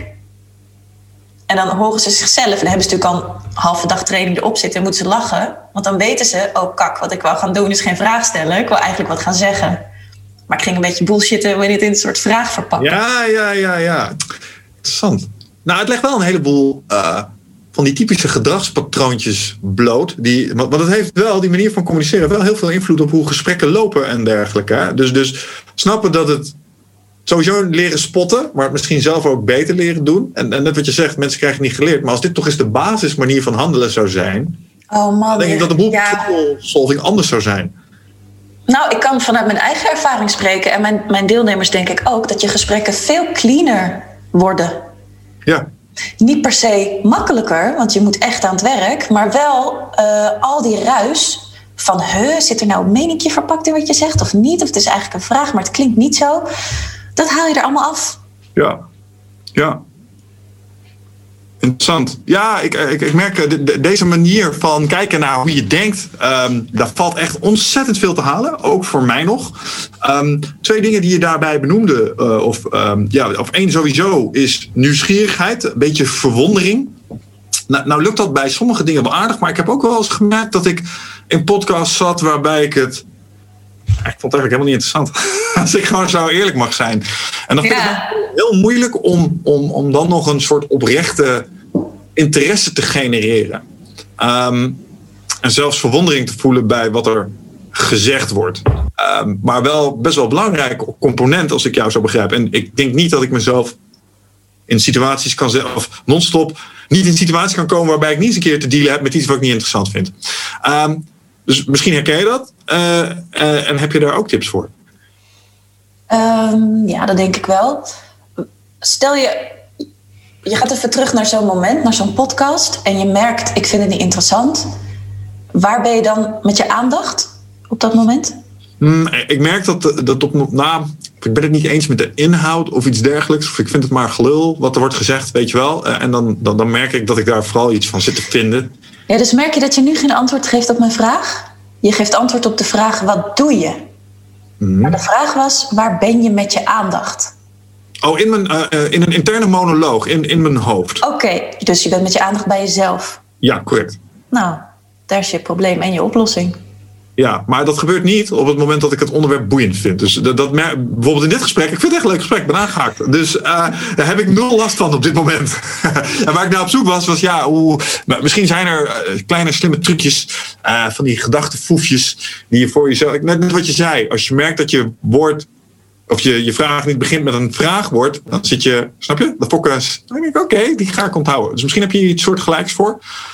Om een soort oprechte voor jezelf te genereren in onderwerpen met een aantal slimme vragen of zo, die misschien tot antwoorden komen waar je nooit over had nagedacht. Ja, kijk, oprechte interesse, of, of dat vind ik net zoiets als intrinsieke motivatie, die kun je natuurlijk, ja, roep het maar eens op. Ja. Uh, maar ik denk wel dat je heel bewust kan zijn dat op het moment dat jij interesse verliest, ben je dus met je aandacht bij jezelf. Dat is eigenlijk een soort wet. Ja. En met mijn aandacht bij mezelf bedoel ik ook, ik ben het er niet mee eens. Ik zie dat anders. Goh, wat zal ik vanavond eens koken? Oh, ik moet nog eventjes dat pakketje wegbrengen naar de. Snap je? Dus je aandacht vervliegt naar iets in jezelf. Ja. Dus de oplossing is ook om je aandacht weer heel bewust, daarom noemen mensen wat wij doen vaak uh, actieve mindfulness, je aandacht heel bewust naar de ander sturen. En een ja, trucje wat mij vaak helpt, is een paar woorden opslaan. Waarvan ik denk, hé, hey, dat spreekt hij net uit. Wat bedoelt hij daarmee? Ja. Heb ik niet meteen zo'n beeld bij. En dan is die interessemotor eigenlijk bij mij altijd wel weer aan. Ja. Maar het begint er dus mee dat ik moet stoppen met er is even wat van te vinden. Dan vind ik het namelijk veel interessanter wat ik ga zitten vinden in mijn eigen hoofd dan wat die andere aan het vertellen is. Ja, ja dat vind ik goed. En, en wat, ik, wat ik ook heel nice vond net aan het voorbeeld was dat, um, en, en dat is de eerste keer dat, dat, dat ik dat zie, is dat um, het type antwoord um, moet je uh, ook een soort van scherp op zijn. Je, je stelt een vraag. Uh, en ik denk dat ik dat ook wel eens heb gedaan. Dan stel ik een vraag en dan krijg ik een antwoord. Maar dat was eigenlijk helemaal niet het antwoord op mijn vraag. En dan dender ik daarna maar gewoon door van, ah, fuck it. We breiden wel wat aan vast. Terwijl eigenlijk het antwoord was niet waar je naar op zoek was. Ja, dus dat is toch, dat vind ik toch wonderlijk. Ik, ik, dat kan ik dus echt niet meer niet zien. In het boek noem ik dat uh, een goed gesprek is zoiets als domino. Dat hele ouderwetse spelletje waarbij ik een steentje ja, neerleg met vier. En jij moet wel een vier aan mijn vier leggen. En geen zes of vijf of een één. Ja. Maar in gesprekken, jongen, als ik wel eens aan mensen vraag... dan stel ik bijvoorbeeld een ja of nee vraag... dan krijg ik een hele monoloog terug. Terwijl het eerste kunstje van een dialoog zou toch moeten zijn... ik stel een vraag, maar krijg ik ook wel antwoord op die vraag? Ja. En als ik dat niet scherp heb, ben ik dus met mijn aandacht bij mezelf. En wat ik zo meteen wil zeggen, of de associatie die ik heb op wat diegene dan als antwoord. Nou ja, we noemen heel veel dingen dialoog die misschien bij nader inzien niet per se een dialoog zijn. Ja, ja, interessant. Eh, ik wil nog even ingaan op dat stukje uh, actief mindfulness als het gaat om dat oordelen. Ehm, de, wat je zei deed mij denken aan uh, een set filosofen waar ik erg fan van ben. De Stoics hebben mij veel goeds gebracht. En die hebben ook wel wat dingetjes geschreven over ergens iets van vinden en voelen. Um, en wat ik heel mooi vond was... Um, een heel simpel statement eigenlijk. je kan er ook niets van vinden. Ja. Kan, gewoon. Was, ja, soms zie je van die stellingen en denk je... Oh ja, waarom kwam ik daar niet op? maar, maar dat is er. En dat helpt mij heel erg... Nou, het, ja, het helpt me, maar het is niet, niet waterdicht. Dus eh, heb jij misschien, eh, als het gaat om oordelen, even los van dat hele fijne, zeer geldige inzicht, misschien nog andere dingen die je zou kunnen toepassen om dat oordelen gewoon meer los te laten? Want dat is ja, in de meeste gesprekken, vooral als het de drukker opgaat, uh, ja. het grootste leerpunt. Want dan, dan ga ik er iets van vinden en dat zet mijn passions aan. En als die gevoelens erbij komen, dan, dan, dan kan je het Socratisch gesprek echt. Uh, dat, dat, is het dan niet meer. Snap je? Nee. Ja, zeker heb ik daar wat over te zeggen. En ik kijk daar vaak net iets anders naar dan uh, dat mensen gewend zijn. Want we horen natuurlijk heel vaak: je mag niet oordelen. Dat is er eentje. En de tweede is: je moet je oordeel uitstellen. Oh ja. En ik denk dan: ja, jongens, uh, oordelen doen we de hele dag. Dus heel erg, het is net zoiets als ademen. Doen we ook de hele dag. Ja. Heel erg je best gaan zitten doen om niet te oordelen, dan zou je eigenlijk je mens zijn ontkennen wij moeten oordelen, en oordelen in de ruimste zin van het woord, hè, wij moeten oordelen om keuzes te maken en om te bepalen wie we zijn. Mhm. Maar wat er heel vaak gebeurt, is dat we, eh, we komen op een workshop en oh nee, ik mag niet oordelen, ik moet mijn oordeel uitstellen. En dan ben ik met iemand in gesprek. Dan doemt er ergens een oordeel op en ga ik volgens heel hard werken om dat te onderdrukken als een soort skippiebal die je onder water aan het duwen bent. ja. met, met, als gevolg dat je op een gegeven moment glijden je handen van die skipperbal af. Dan, dan beukt die tegen je neus met een bloedneus als gevolg. Dat gebeurt in mm. gesprekken ook. Dus ik zeg, laat dat oordeel volledig opkomen. Bekijk het even. En kies er dan voor of je met die gedachtentrein meegaat of niet. Mm. Dus die zin van, van de Stoïcijnen van je kan er ook niks van vinden die, die vind ik fantastisch. En dat lukt op een gegeven moment ook. Maar in eerste instantie zou ik zeggen: kijk maar eens heel goed naar het eerste oordeel wat zich aandient. Geeft je vaak ook mooi voer voor zelfonderzoek. Ja. En vertraag dan even en beslis bewust of je dat ook of je dat daadwerkelijk vastklampt en het ook gaat verbaliseren. Dat hoeft misschien helemaal niet. Nee. Ja, dat vind ik wel grappig dat je dat zegt. Want als ik, als ik zou kijken naar alle eerste oordelen die ik heb nou, dan zou maar zo het beeld kunnen ontstaan dat ik een ontzettende bronpot ben. Terwijl ik mezelf uh, eigenlijk best wel een vrolijke dispositie vind hebben zo af en toe. Uh, maar, maar het is wel waar. Het zijn die, die eerste oordelen. Ik weet niet wat dat is, maar ze zijn eigenlijk niet eens wat je echt vindt soms.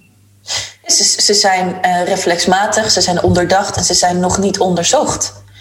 Dus ik zou zeggen, haal ze naar boven, druk ze niet weg en ga ze onderzoeken.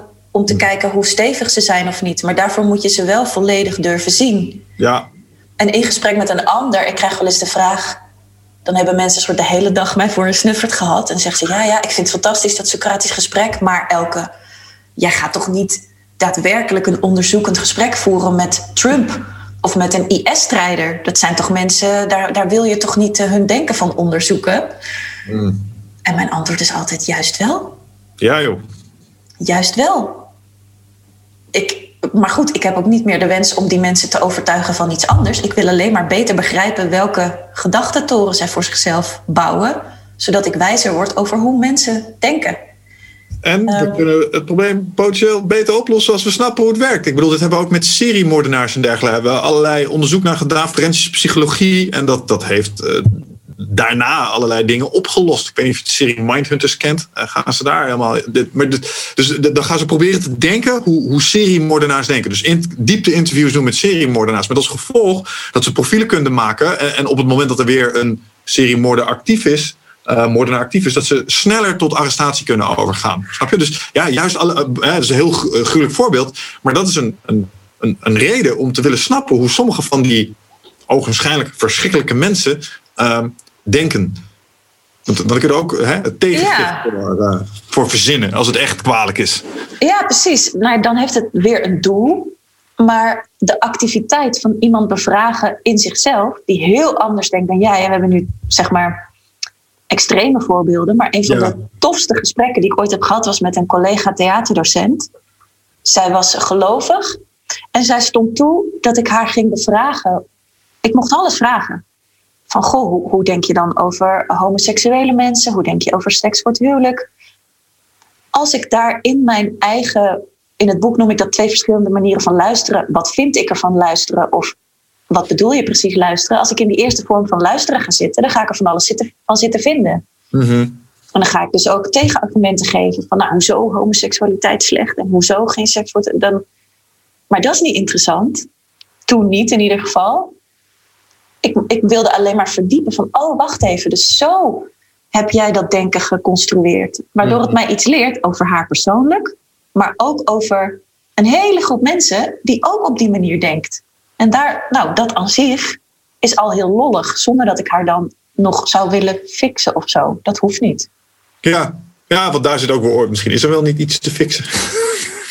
nee, misschien ben ik niet degene die iets moet. En als ik vind dat zij te fixen valt, dan moet ik mijn eigen denken misschien eens onderzoeken. Want die ben mhm. ik om te zeggen: jouw denken deugt niet. Ja. Um, ja. ja. Ik wil het even gebruiken om een. Um, een bruggetje te maken. Uh, want je, je, komt op het, op het religieuze aspect. Hè? Je had het over het christendom. Um, iets wat filosofie ook doet, is nadenken over de zin uh, van het leven. Of juist de onzin van het leven. Beetje afhankelijk van de stroming die je kiest. Um, als jij daar um, een voorkeur in zou mogen uitspreken. Als het gaat om een filosofische stroming, als het gaat om uh, zingeving. Wat, wat is dit gekke bestaan nou eigenlijk? Heb je daar een, heb je daar een favoriet in kunnen ontdekken? En zo ja, welke is dat? Ja, zeker wel. Um, met dus als kleine kanttekening dat er nog heel veel filosofen zijn die ik niet ken. En ja. ongetwijfeld ook stromingen die ik niet ken. Um, ik ben vanaf heel jongs af aan al gegrepen door Sartre. Okay. Het en het existentialisme in het heel radicale van alles hier is jouw verantwoordelijkheid. Een soort De Teerling is geworpen is een boek van hem van nou, jij bent hier op aarde, succes daarmee. Mhm. Ja. en, en, ehm, ja, en, en doe het maar. Dus, dus niet slachtofferrol, niet wijzen naar anderen. Nee, jij hebt hier keuzes mhm. te maken. En gaandeweg de jaren, hij, hij gaat er dus eigenlijk ook vanuit dat vrije wil bestaat. Dat je altijd vrij alle mogelijkheden kan kiezen. En dat dacht mhm. ik vroeger ook, maar daar ben ik wel iets in opgerekt. Ik heb ook heel veel met de Stoïcijnen. Ja. Die continu ook, waar ik heel erg in geloof, die afstand prediken tot jezelf, je eigen denken. Ehm, je verzoenen met hoe de dingen nu eenmaal zijn, in plaats van mhm. maar continu willen dat ze anders zijn. En controle willen uitoefenen over dingen waar je geen controle over hebt. Ja. En dat vind ik tegelijkertijd ook natuurlijk een heel praktische filosofie die je gewoon kunt beoefenen.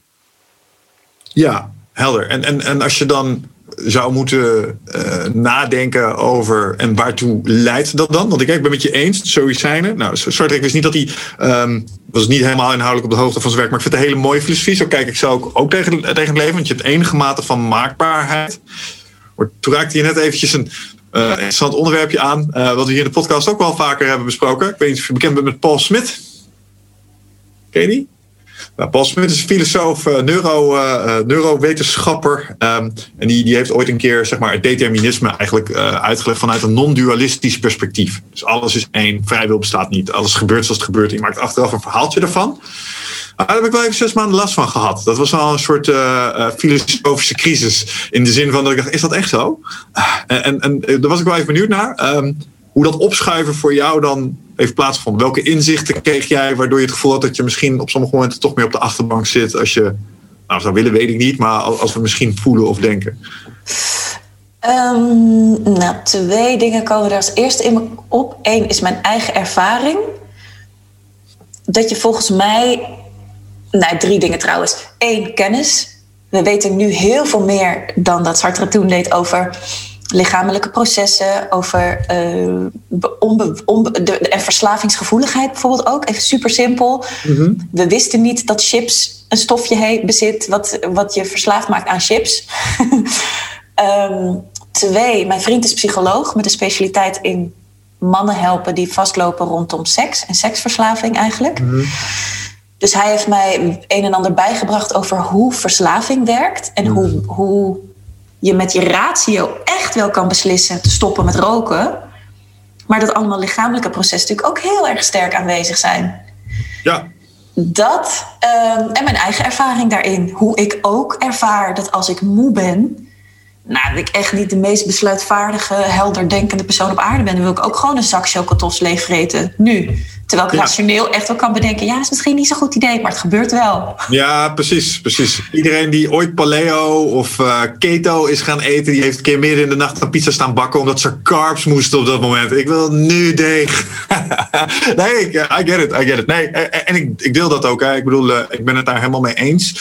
Alleen, als, ik, als, um, als dat dan gaat over maar wat betekent dat dan voor het bewustzijn dat ik meemaak hier? En wat, wat doet dat met mijn morele kompas? Dat vind ik wel een hele interessante. Omdat er zijn wat onderzoeken gedaan waarbij ze uh, participanten uh, stellingen lieten lezen die vrije wil beargumenteerden. Of het juist onderuit haalden. En dan gingen ze kijken naar hun ethisch gedrag bij spelletjes. Die laatste groep speelde echt veel meer vast.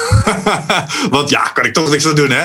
Uh, alsof er zeg maar een soort uh, schuldgevoel. Ja, het ligt niet aan mij, dus ik kan nu doen wat ik wil, want ja, de verantwoordelijkheid ligt toch niet bij mij.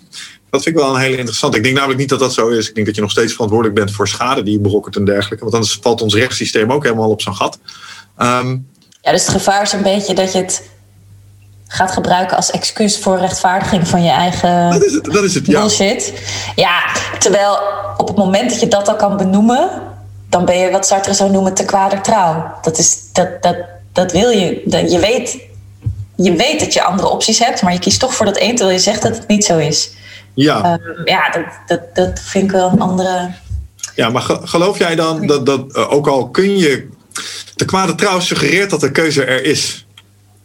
Dus als, ik een, als, als, als, zeg maar mijn gedrag niet meer is als het resultaat van een vergelijking die wordt opgelost. Energie plus voorkeur plus uh, zeg maar weer buiten plus uh, de, de, muziek die ik vandaag gehoord heb. Snap je? Dat, dat, als ik het goed begrepen heb, is dat allemaal een factor. Al die dingetjes stellen mee in of er links of rechts uitkomt. Ja, heftig hè? Ja. ja, dat is heel heftig. En dan denk ik, onbewuste processen, ja en, en ik voor mijn werk vertel mensen van ja, maar jij kan wel degelijk uh, er iets van maken. Dus dat voelt zeg maar moreel. Ja, maar wat ben ik hier nou echt dan absolute onzin aan het verkopen of iets dergelijks? Um, daar heb ik wel wat moeite mee gehad. Ja, die herken ik wel. In de zin van dat ik zo heel erg ben van je moet kritisch denken en afstand nemen tot je denken en het onderzoeken. Ja. En dan kom ik ook weer een of ander onderzoek tegen waaruit blijkt dat ik weet niet hoeveel procent van onze beslissingen onbewust worden genomen. En dan denk ik, jeetje, wat zijn we nou allemaal met z'n allen aan het doen? Ja. Dus die herken ik en tegelijkertijd denk ik, nou, des te meer werk aan de winkel. Ja, maar ik heb het antwoord op die vraag, denk ik, gevonden. Um, omdat, um, zoals ik het zie, en wat jij doet, eh, wat je nu ook doet bij mij, is je geeft me bepaalde inzichten, skills, vaardigheden. Ik kan nu bijvoorbeeld een, een foute vraag spotten. Als ik deze nog een keer terugluister, en ik maak dat, dat doe ik soms, maak ik een samenvatting van, oké, dit zijn de key lessons, die heb ik geleerd, en dan zou deze erbij komen. En wat er nou gebeurt voor mij, voor mijn gevoel, is dat ik nu door dit gesprek, en misschien was ik niet um, helemaal 100% verantwoordelijk voor het feit dat ik in dit gesprek zit, dat het misschien gebeurt, maar als gevolg daarvan heb ik nu, als het een spelletje zou zijn, twee kaarten erbij. En die gaan in mijn deck. En als ik in het leven in situaties kom, dan krijg ik soms een handje kaarten uitgedeeld, zoals met Magic the Gathering. Dat zijn een paar opties die ik heb. Net zoals dat ik jou nu vraag. Hè. Het geëikte voorbeeld van Sam Harris is: noem een stad. Nou, noem eens een stad. Utrecht. Utrecht. Waarom Utrecht? Daar ben ik geboren. Exact. Dus, eh, maar maar jouw database met stedennamen is een, een honderdvoud groter. Jij kan misschien wel honderden steden opnoemen. Uh, Maar waarom kreeg je deze uitgedeeld? Nou, omdat daar heb je geschiedenis mee, et cetera, et cetera. Dus, dus dat wat je als optie aangereikt krijgt voor een probleem, namelijk stad of hoe ga ik met dit time management probleem op, om, is afhankelijk van je ervaringen. En zoals ik het nu zie, is dat wat jij mensen leert, geeft ze in die momenten de kans, is niet gegarandeerd, maar de kans dat zo'n techniek dan tevoorschijn komt, zodat je hem kunt gebruiken. Dat is een beetje hoe ik dat nu zie. Dus als je aan zelfontwikkeling doet uh, en, en, je hebt het geluk dat, dat jouw vergelijking die kant op is gegaan, om het dan maar even zo te zien, als je mensen als lopende vergelijkingen ziet. Um, elke keer dat je, dat je een cursus, een training, een podcast, een boek leest, vergroot je je kans dat er een aantal gunstige opties verschijnen. Op het moment dat je in situaties terechtkomt, die je dan nou, zou kunnen ja. kiezen. Ja, dat is het. Ik denk, maar ik denk dat dat ook is wat je continu doet. In plaats van met je eerste instinct, je eerste reflex jou, met jou aan de haal te laten gaan, creëer je eigenlijk een klein stukje momentum waarin je even kan inchecken van wil ik wel die kant op of wil ik toch iets anders doen? Ja, dus er zijn ja. van, die, van die momentjes dat je vanaf de achterbank even zo, hé uh, hey, vriend, die kant op. En dat is dan je primate brein um, die, die, daar achter het stuur zit op zo'n moment. Ik weet niet of je uh, Wait But Why kent. Misschien wel eens van gehoord. Wel eens van gehoord, maar ik weet even hele niet... leuke uh... websites omschrijven ze hele moeilijke, complexe dingen in hele lange artikelen met de meest simpele paint uh, in paint gemaakte afbeeldingen die echt super simpel zijn. Die kunnen jij en ik ook maken, weet je wel. Uh, bijvoorbeeld dingen als vrije wil. Of uh, dat laatste ding van Elon met de Neuralink. Leggen ze daar helemaal in, in echt goede, duidelijke uitleg uit. En die hebben het ook over concept en dat heet Instant Gratification Monkey. Waarom, waarom je uitstelt, weet je wel. En dat, dat, dat zeg ook, ja, je, je voelt als een rationele besluitvormer die achter een, achter een stuur staat. Maar eens in de zoveel tijd trekt er iets gewoon aan dat stuur en dan ben je gewoon niet bij. En naarmate ik mezelf meer beschouw, heb ik het gevoel dat het misschien nog wel eens omgedraaid kon zijn. Dat die aap non-stop achter het stuur staat. En dat ik ze af en toe eens een keer een zetje bijgeef. Dat, daar moest ik aan denken door wat jij net zei. Dat er even van die incheckmomentjes zijn waarbij je er misschien iets van kan vinden. Uh, en dus kunt bijsturen. Ja, interessant.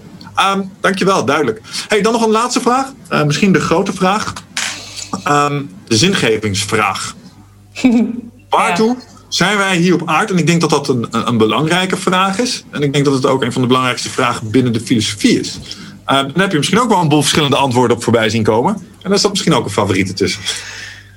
Ja, ik, ik, ik denk als eerste dat het de vraag is die ieder voor zichzelf te beantwoorden heeft. Sure. En dat dat antwoord ook verandert, naar, hoop ik, naarmate jij zelf van kleur verandert. Dus ik kan je, um, ik kan je wel vertellen wat mijn visie ja? daar nu op is, op dit moment. Precies, ja. Nou, dat is best um, een vraag, denk ik. ja, volgens mij, en ik heb daarin heel veel gehad aan het boek um, Een ongewoon gesprek met God van Neil Donald Walsh. Daarin gaat de schrijver in gesprek met God, maar dat is niet de christelijke God zoals we die uit de Bijbel kennen, maar nou ja, sommigen noemen het het universum of de oerenergie of noem het maar. Ja. En hij stelt alle vragen die wij continu hebben. Waarom is er oorlog? Waarom is er dood? Waarom ben ik hier? Wat moet ik doen? En God zegt eigenlijk heel simpel: je bent hier om jezelf te scheppen. Mm. Dat is wat je doet. Je, je schept jezelf door middel van je gedachten, je woorden, je acties, je daden. Je kunt op elk moment kiezen wie je bent en wie je wilt zijn. En als die twee niet matchen, nou, dan heb je wat te doen. Mm. Um, nou. Met als, welk, met als welk overkoepelend doel, denk jij? Wat is. Volgens ja, ik kom nu dus niet verder dan de meest badassiest, nicest versie van jezelf te worden. Ja. En wat dat dan is, ja, dat heb je dan dus net voor jezelf uit te vogelen. In het boek zelf beschrijft God aanhalingstekens dus ook helemaal terug van hoe is het ooit begonnen? Uh, hij heeft, maakt een onderscheid tussen ons lichaam en onze ziel. Onze ziel wil zelfontplooiing. Onze ziel, we zijn eigenlijk zielen ge, gepropt in een mensenlichaam. En het doel van de ziel is het menselijk leven ervaren in al zijn facetten. Mm -hmm. Ja. Dat is die gedachte erachter. En die vind ik wel heel wonderschoon. Heb, heb je wel eens nagedacht over waarom dat dan weer op zijn beurt plaatsvindt? Dus waarom zouden zo'n ontzettend... Eh, ik, ik zoom dan uit en ik denk, oké, cool. Dus als mensen zielen hebben en als je doodgaat, gaat je ziel terug naar het grote geheel. Om misschien zelfs wel in een andere vorm op andere plekken in het universum weer terug te komen. Wow, I kind of get it, but why? Waarom? Uh, het meest hoge filosofische concept wat ik daarover heb gehoord, is dat het universum um, observatie nodig heeft. Dus bewustzijn nodig heeft om te kunnen zijn. En dat het daarom dingen creëert. Een soort vanuit fractal denken. Wij zijn een soort uiting van al die complexiteit, helemaal op het puntje. En daarmee kunnen wij alles aan, aanschouwen en denken: wauw, dit is er. Want anders. Snap je? Dan denk oké, klinkt poëtisch, kan ik iets mee? ik denk dat ik het snap. Heb je daar wel eens over nagedacht? Of is dat too far out there? Ehm, ja, zeker wel. En ik merk dat ik altijd dan voor mezelf een beetje afhaak als het heel abstract uh, wordt. Dan denk ik, ja, nu, nu, kan ik me, of nu verlies ik mezelf of vind ik het niet meer praktisch. Praktisch is natuurlijk wel zo'n woord wat dan heel erg wat ik belangrijk vind. Ja, ook daarin heb ik weer heel veel gehad aan dat boek. Waarin God op een gegeven moment zegt: Ik wilde mijzelf kennen. In het begin was er niets was er zeg maar alleen maar zwart. En hoe leert zwart zichzelf kennen? Door zichzelf te splitsen en er wit tegenover te zetten. Alleen dan heb je een tweede ding wat naar zichzelf kan kijken om zichzelf te ervaren. Dus nu, nu wordt het alweer heel uh, metafysisch allemaal. Ja, maar dat, maar, maar dat is, het is wel een gedachte die, die mij heel erg aanspreekt. Dat je dus hier bent om jezelf te ervaren. En als de ziel een klein stukje is van het oeruniversum of de oergod, is de ziel hier zodat God zichzelf kan ervaren via ons. Ja. Ken je het verhaal uh, Het Gouden Ei? Als je het vertelt, vast wel, maar nu. Kort verhaal, ja, het gaat, het gaat over een soortgelijke dialoog tussen een ziel en dan goddelijkheid. En, de, de, de les, het thema is: uh, je maakt elk mensenleven op deze planeet op elk tijdstip beleef jij, zeg maar. Je komt jezelf tegen. Jij bent, mezelf, jij bent ik, ik ben jou. Um, en we maken dit allemaal individueel mee, maar we zijn eigenlijk dezelfde. En dat doen we om ons ei moet uitkomen. En als we dat allemaal hebben geleerd, dan kunnen we opstijgen naar onze goddelijkheid of zo. Dus we zijn een soort god in wording. Um, was, was de kern van dat verhaal. En als we alle levens hebben geleefd en alle ervaringen hebben gedaan, zijn we wijs genoeg om dat te, te verdienen of te unlocken. Weet ik veel hoe dat, hoe dat precies werkt. Maar dat, daar moet ik dan altijd een beetje aan denken. Omdat ik heb best wel veel mensen gesproken in deze podcast die daar ook over nadachten.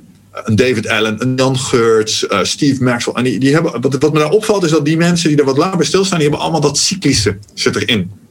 Dat, dat, dat, dat stapelen van kennis, ervaringen opdoen, om het telkens wat beter te kunnen doen om ja, opstijgen. In ieder geval naar boven. Wat het dan ook een hogere frequentie te gaan zijn of zo. Als dat ergens op slaat. Ja. Maar dat gaat jou te ver. nee, ik, dat, dat herken ik natuurlijk wel. Dat zit hier ook in.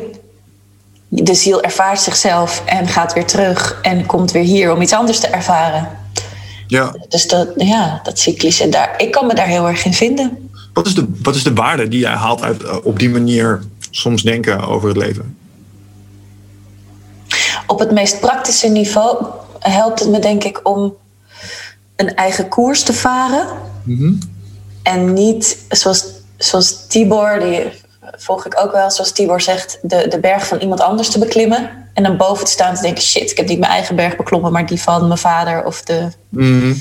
de juf van vroeger. Ehm, ik denk dat dat op het meest praktische niveau het op, mij op die manier helpt. Ja, en ook wel mezelf concreet die vraag stellen. Oké, het leven is niet lang. We denken van wel, maar het is niet lang. Het kan morgen over zijn of volgende week. Zo, zo ben ik ooit ook met dat boek begonnen. Toen stelde ik mezelf de vraag: als ik morgen overlijd, ben ik dan oké? Toen dacht ik: nee, ik ben niet oké. Ik, ik, wil eerst dat boek schrijven. Nee, je bent dood. Dus, dan ga je een boek schrijven. Um, dus jezelf steeds de vraag stellen: wat wil ik of mijn ziel nog ervaren hier? ja. ja ja, interessant. Nou, ik merk dat dat, ehm, ja, dat brengt het mij ook. En dat het ook wel eens doet uh, op die manier denken, hè, de ziel die zichzelf ervaart, of dat het een soort leerschool is. Um, het helpt me met moeilijke periodes beter doorstaan, omdat het me het gevoel geeft dat het ergens toe leidt. In de zin van het heeft een betekenis. Het was niet zinloos lijden. Hierdoor ben ik sterker geworden of wijzer geworden. Of ben ik een stukje dichterbij wat, nou als je het dan hebt over wat je hebt, mijn zielsbestemming. Um, en dat vind ik ook wel interessant. En misschien kun je daar nog een, laatste ding over zeggen. Um, vanuit filosofie.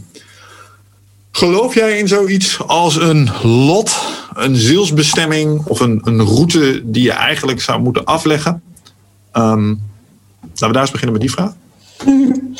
Dus wat is je vraag precies? Nou, geloof je in lot? Wat is lot in dit verband? Mm, dat, nou, laat ik hem dan even op zijn meest poëtisch pakken. Dat elke ziel in de iteratie waar die in zit iets te schaffen heeft op in dit bestaan. Dus je hebt een soort purpose. Ehm, en je bent hier om iets te leren, iets te doen. Ehm, en, en het niet volbrengen daarvan, dat voel je ook ergens. Hmm. Resoneert dat op enige manier? Ja, de luisteraar ziet het natuurlijk niet, maar ik zit een beetje te knikken. Ja, ja. En, te, en te denken over, over hoe ik mijn antwoord ga formuleren. Ehm, ja, zeker resoneert dat. Uh, en ik denk dat mensen dat uit ervaring kunnen voelen van mm, maak ik deze keuze nou omdat ik echt vind dat ik dit moet doen of omdat stiekem ik iemand anders tevreden wil houden. Dat zijn van die heel herkenbare gevoelens. Mm. Ja, tegelijkertijd, als je natuurlijk zegt, je hebt het lot, alles is voorbestemd, wat je ook doet, dan maakt het dus ook geen reet uit wat ik hier dan ga zitten doen en zitten kiezen. Dus die, die twee kunnen niet te rigoureus. Dat, dat matcht dan niet. Ah, interessant dat jij dat dan, dan ziet als een disqualificatie van de waarde. Dus het feit dat ik, dat ik niet anders kan als uitkomen waar ik ga uitkomen, wil niet zeggen dat het niks toevoegt aan het grote geheel. Nou, ik bedoel vooral dat je dat het natuurlijk niet matcht met dat ik zelf nog bewust kan handelen daarin, als alles al vast ligt. Dus ik geloof vooral heel erg in je bent hier om iets te ervaren, om iets te leren. Dat is misschien dan voorbestemd. En hoe je dat doet, dat is nou net de scheppingszoektocht die je hier um, aan moet gaan. Dat, dat is de bandbreedte waarin je zelf je keuzes kunt maken. Ja, dat je misschien die opleiding kiest en na een jaar denkt: shit, jongen, dit is het niet. Ja. En, en, en schep jezelf dan opnieuw. Kies opnieuw een opleiding waarvan je denkt: ja, dit is dan meer. Het is nog niet helemaal, maar het is wel iets meer. Ja. Dus het is scheppen, ontdekken, scheppen, ontdekken. Maar ik denk, nou, maar dat is wel een, echt een cruciaal inzicht, denk ik, voor een boel mensen. Dat het oké is om die cyclus meerdere maanden doorlopen. Omdat het, het, het, plaatje dat je misschien ook nog eens een beetje van vroeger. En het is misschien nu iets minder, maar ik heb daar zeker nog wel last van gehad. Er was een soort patroon wat je moest doorlopen.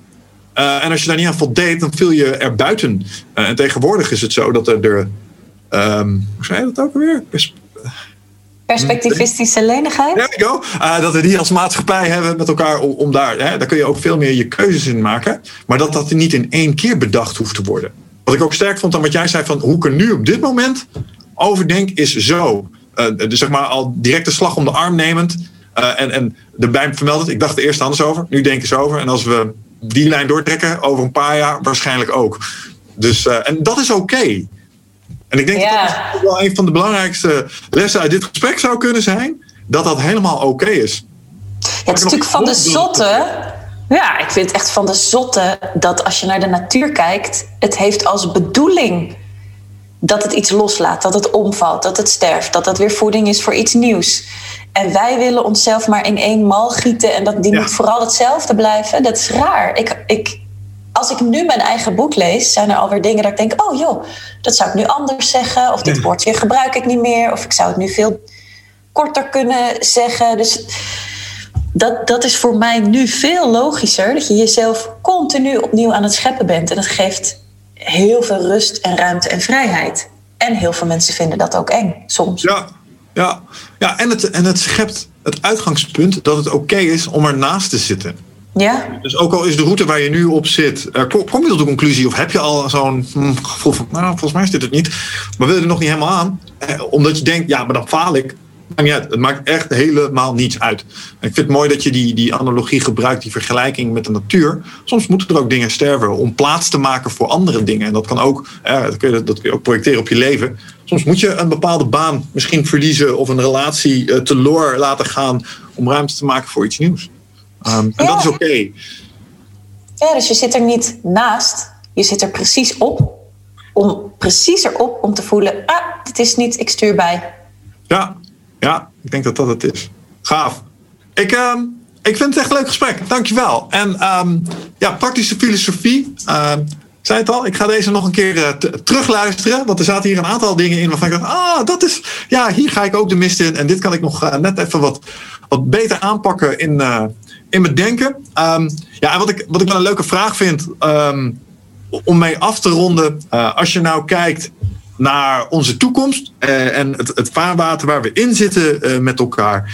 Wat zie jij als iets wat jij, wat jij echt helemaal beheerst, kent en snapt?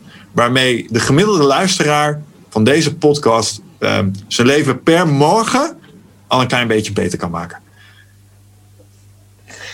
Dan zou ik zeggen vertraging. Dat kent, snap en beheers ik.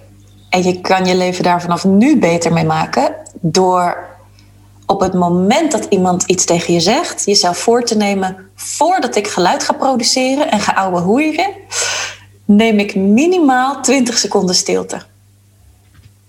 En in die 20 seconden ga ik, niet bedenken, ga ik niet bezig zijn met mag ik al, mag ik al, mag ik al. Maar dan ga je je aandacht richten op wat heeft die ander net gezegd. Wat is de exacte formulering van mijn vraag? Wat wil ik precies zeggen? Minimaal 20 seconden. En ik denk dat dat al een wereld van verschil kan maken.